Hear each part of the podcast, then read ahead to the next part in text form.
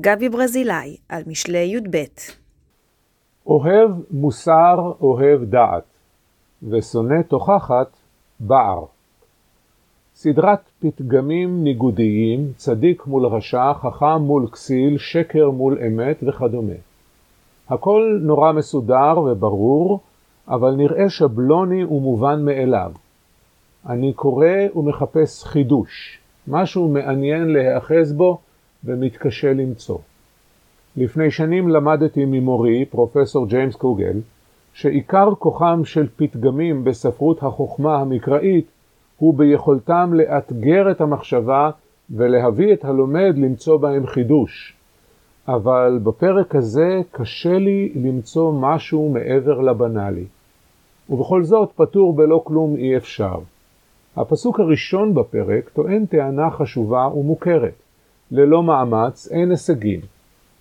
אבל לא זו בלבד, אלא יותר מכך. הוא טוען שהדרך אל ההצלחה רצופה כישלונות.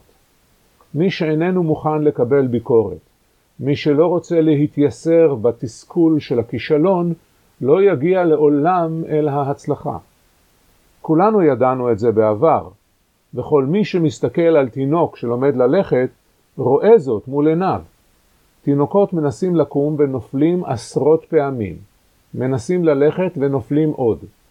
אילו היו אנשים מבוגרים, הם היו מתייאשים אחרי מספר ניסיונות, מגיעים למסקנה ההגיונית שאין להם כישרון להליכה, ונשארים על ארבע להמשך חייהם. אבל הם לא יודעים לוותר, עוד לא לימדו אותם.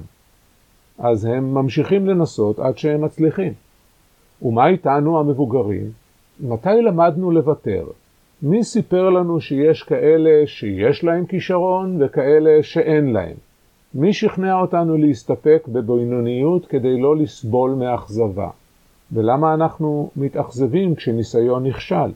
הרי כל כישלון הוא עוד שיעור איך לא נכון לעשות זאת, ובסוף נלמד את הדרך הנכונה.